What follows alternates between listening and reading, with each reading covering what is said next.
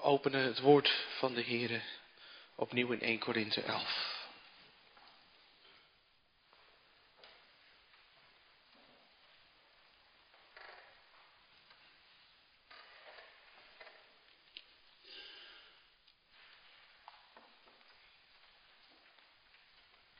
...1 Korinthe 11, vers 23 tot 26 en aansluitend lezen we dan het tweede deel van het avondmaalsformulier. 1 Korinthe 11, 23 tot 26. Waar Paulus schrijft, want ik heb van de Heere ontvangen wat ik u ook heb overgeleverd, dat de Heere Jezus in de nacht waarin hij werd verraden brood nam. En nadat hij gedankt had, brak hij het en zei, neem, eet, dit is mijn lichaam dat voor u gebroken wordt. Doe dat tot mijn gedachtenis. Evenzo nam hij ook de drinkbeker na het gebruiken van de maaltijd en zei, deze drinkbeker is het nieuwe verbond in mijn bloed. Doe dat zo dikwijls als u die drinkt tot mijn gedachtenis. Want zo dikwijls als u dit brood eet en deze drinkbeker drinkt, verkondigt de dood van de Heere totdat hij komt. Tot zover het woord van de Heere.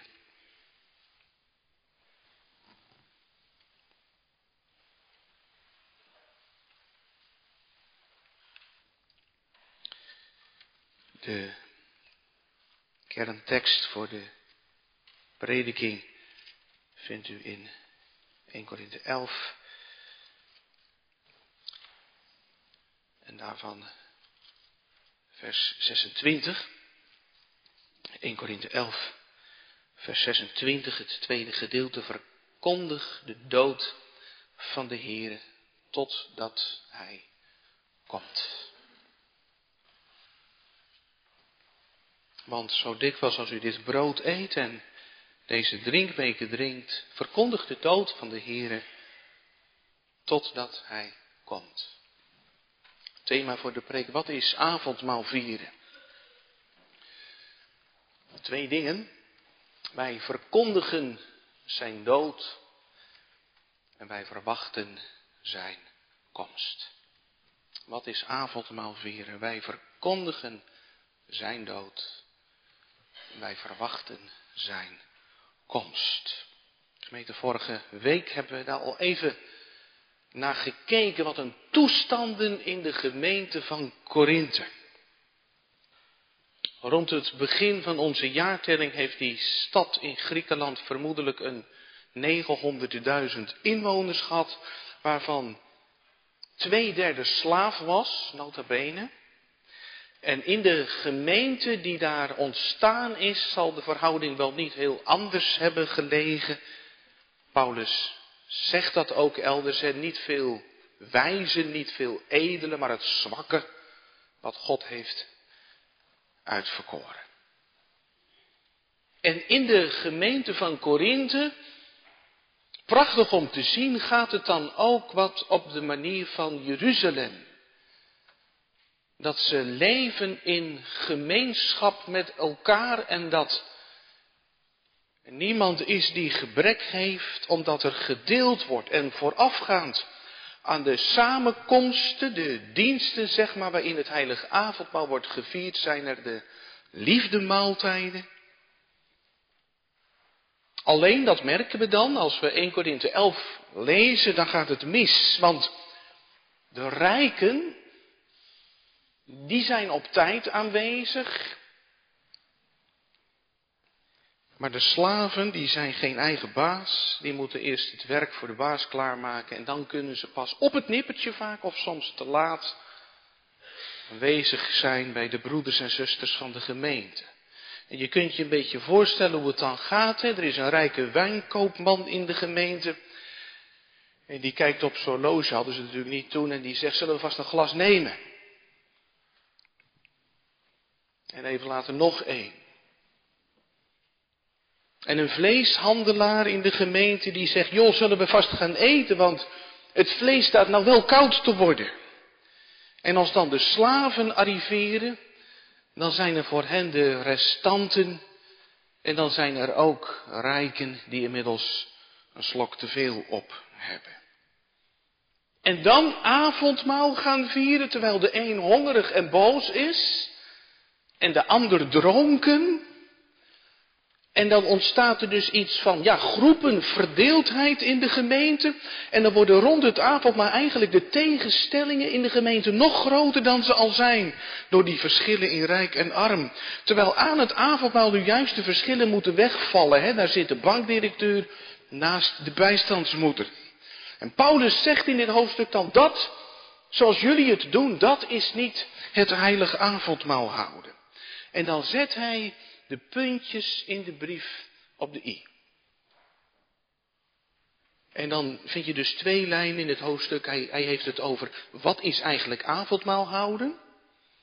En jullie moeten je beproeven om het op de juiste wijze te kunnen vieren. Over die beproeving, daar hebben we het vorige week over gehad. Aan de hand ook van de, de catechismus. Voor wie is het heilig avondmaal des Heren ingesteld?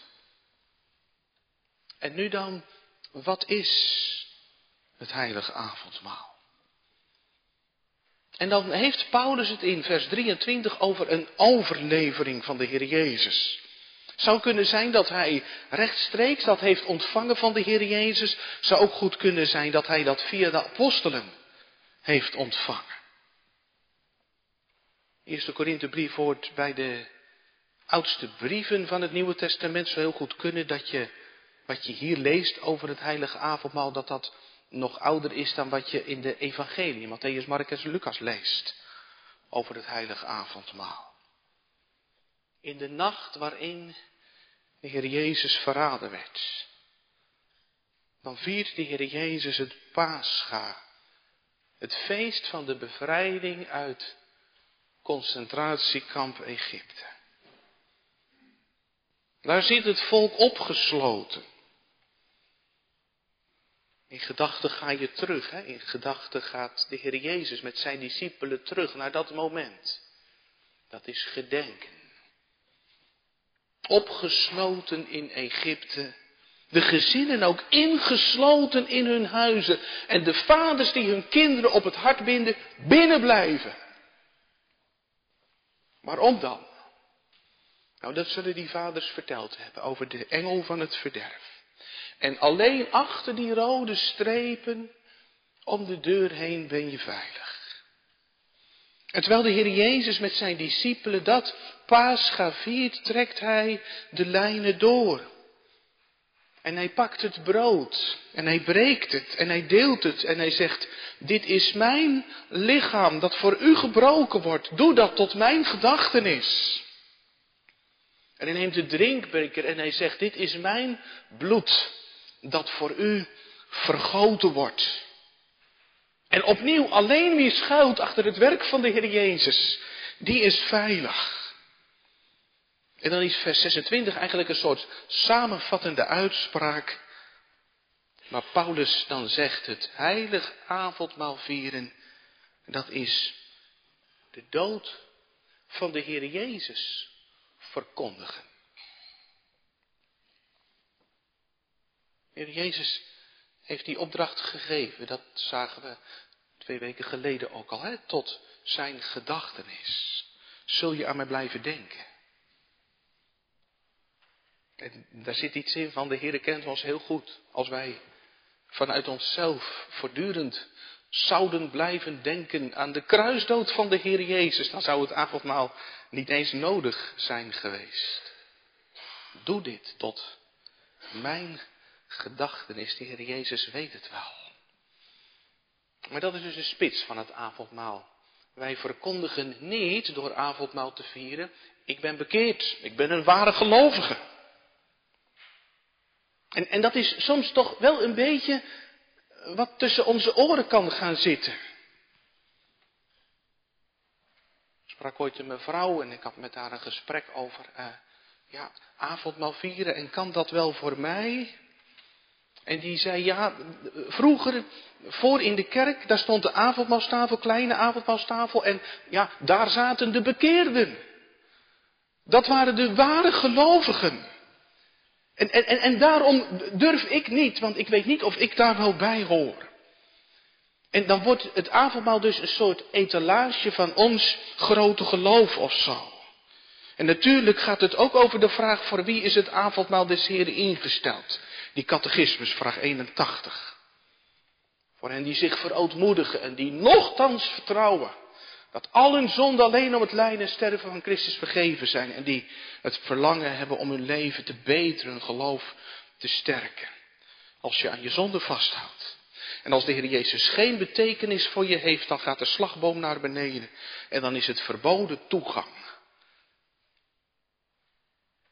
Maar het doel van het heilige avondmaal, dat is niet dat ik eens kom laten zien hoe groot mijn geloof wel is. Niet ik in het middelpunt, maar Jezus in het middelpunt. Tot zijn gedachtenis zeggen wie Jezus voor mij is.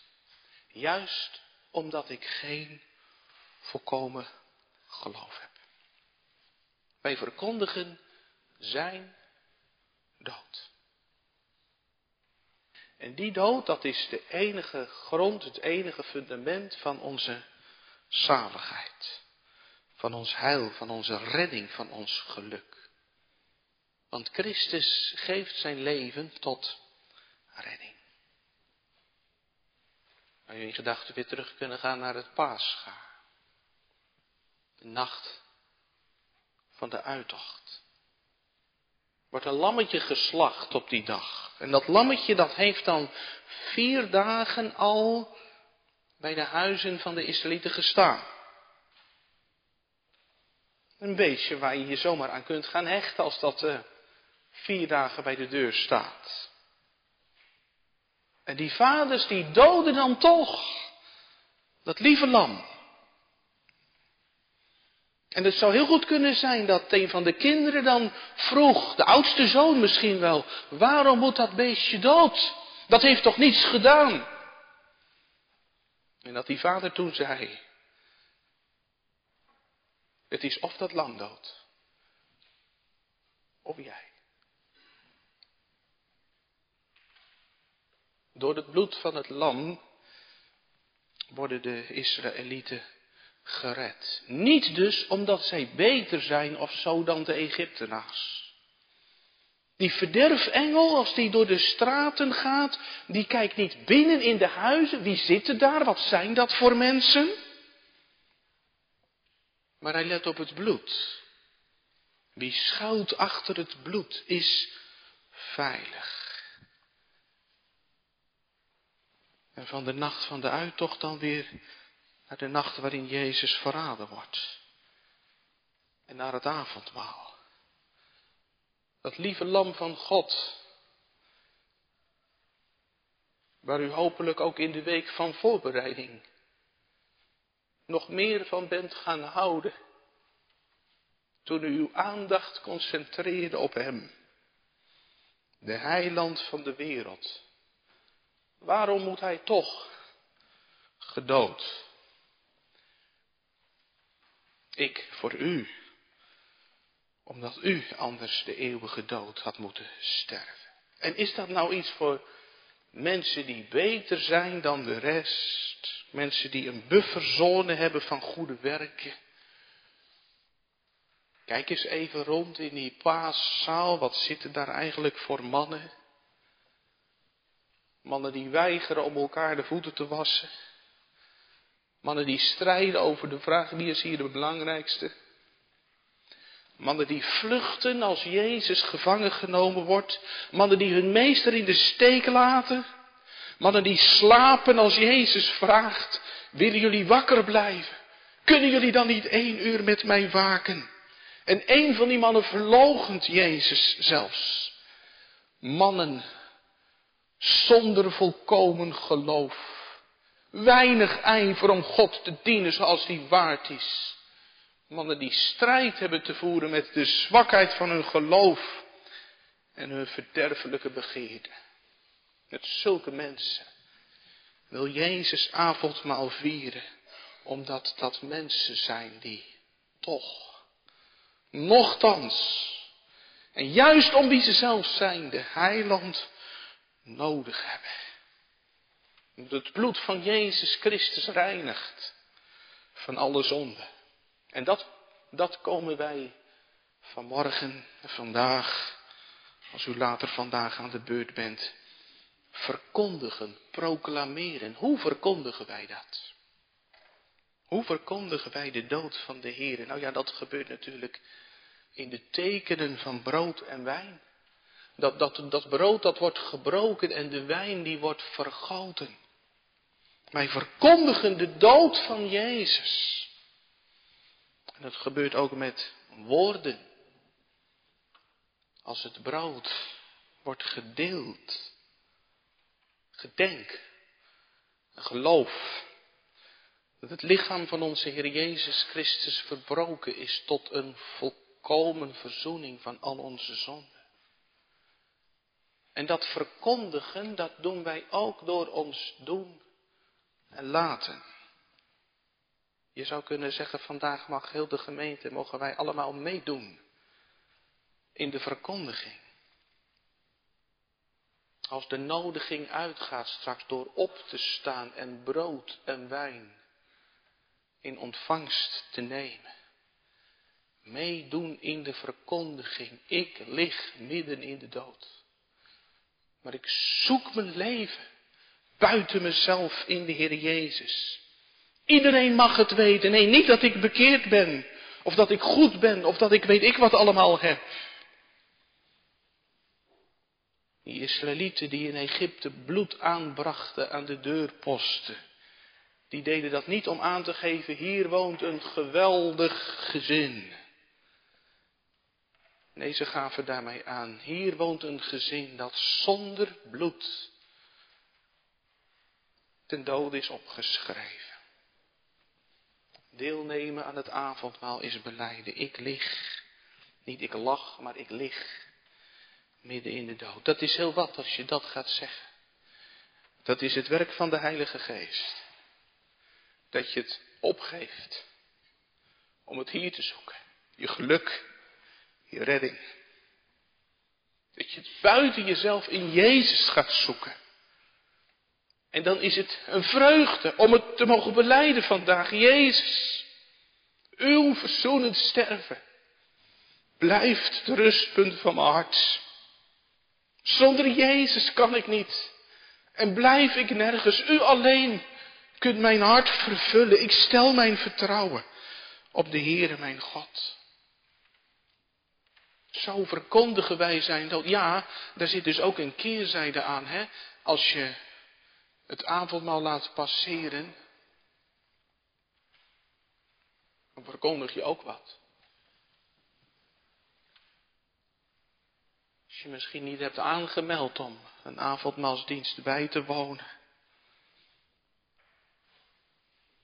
dan zeg je daarmee ook wat. En dat zeg ik heel voorzichtig, met heel veel schroom, om, omdat ik ook weet hè, hoe, hoe een worsteling het kan zijn maar het avondmaal aan je voorbij laten gaan, daarmee zeg je, ik heb Christus niet nodig. Ik heb Christus niet lief. Heel scherp. Is dat wat u zeggen wou? Ik heb de zonde liever dan de Heer Jezus. De duivel vindt het prima als u niet meedoet in de verkondiging als je keer op keer het avondmaal aan je voorbij laat gaan en je hart afsluit. Als er geen nood in je leven is, geen verlangen. De Jezus zegt, doe dat. En de duivel zegt, doe dat niet.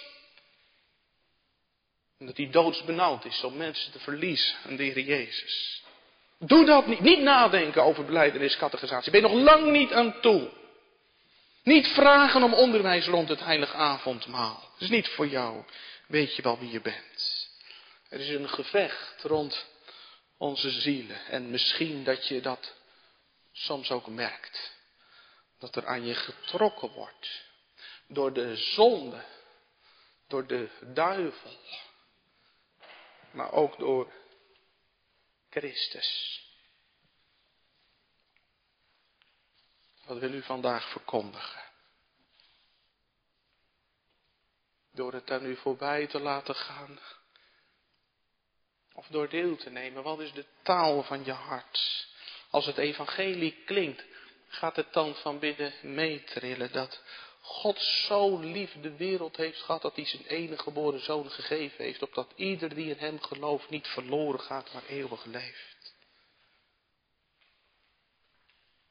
Dat je met je hart daarboven opvalt en zegt, ja, dat is het.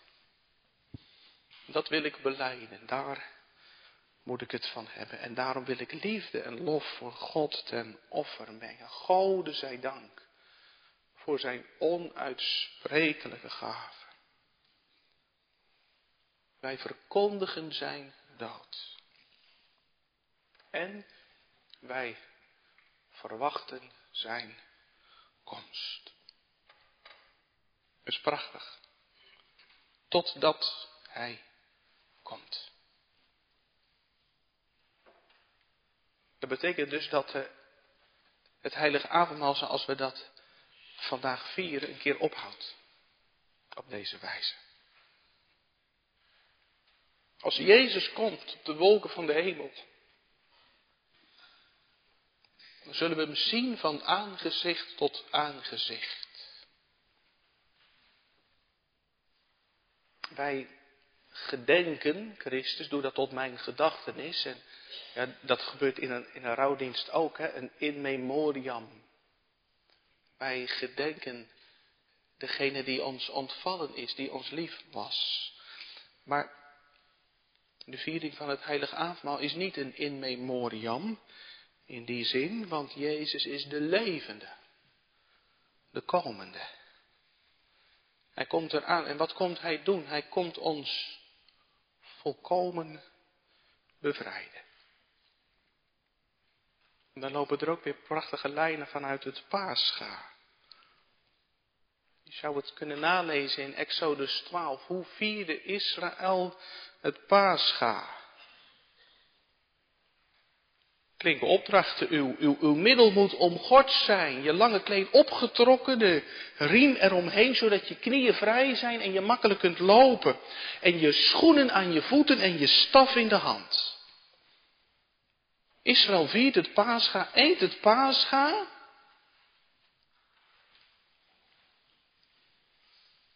En ze zijn tegelijk klaar voor vertrek.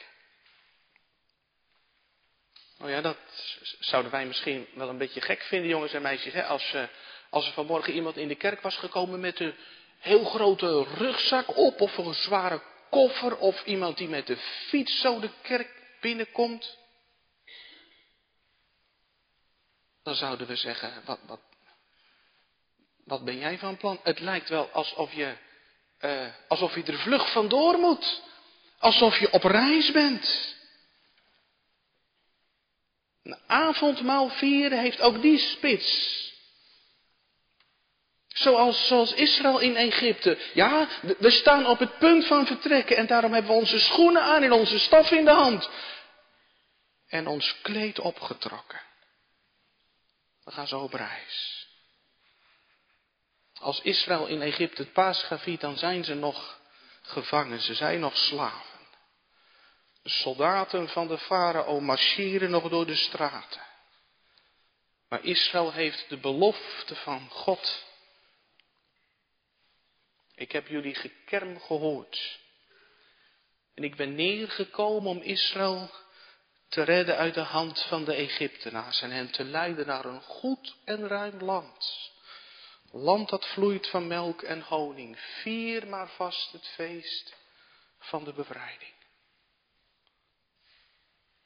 Bevrijdingsfeest vieren terwijl je nog niet bevrijd bent. Dat is diep.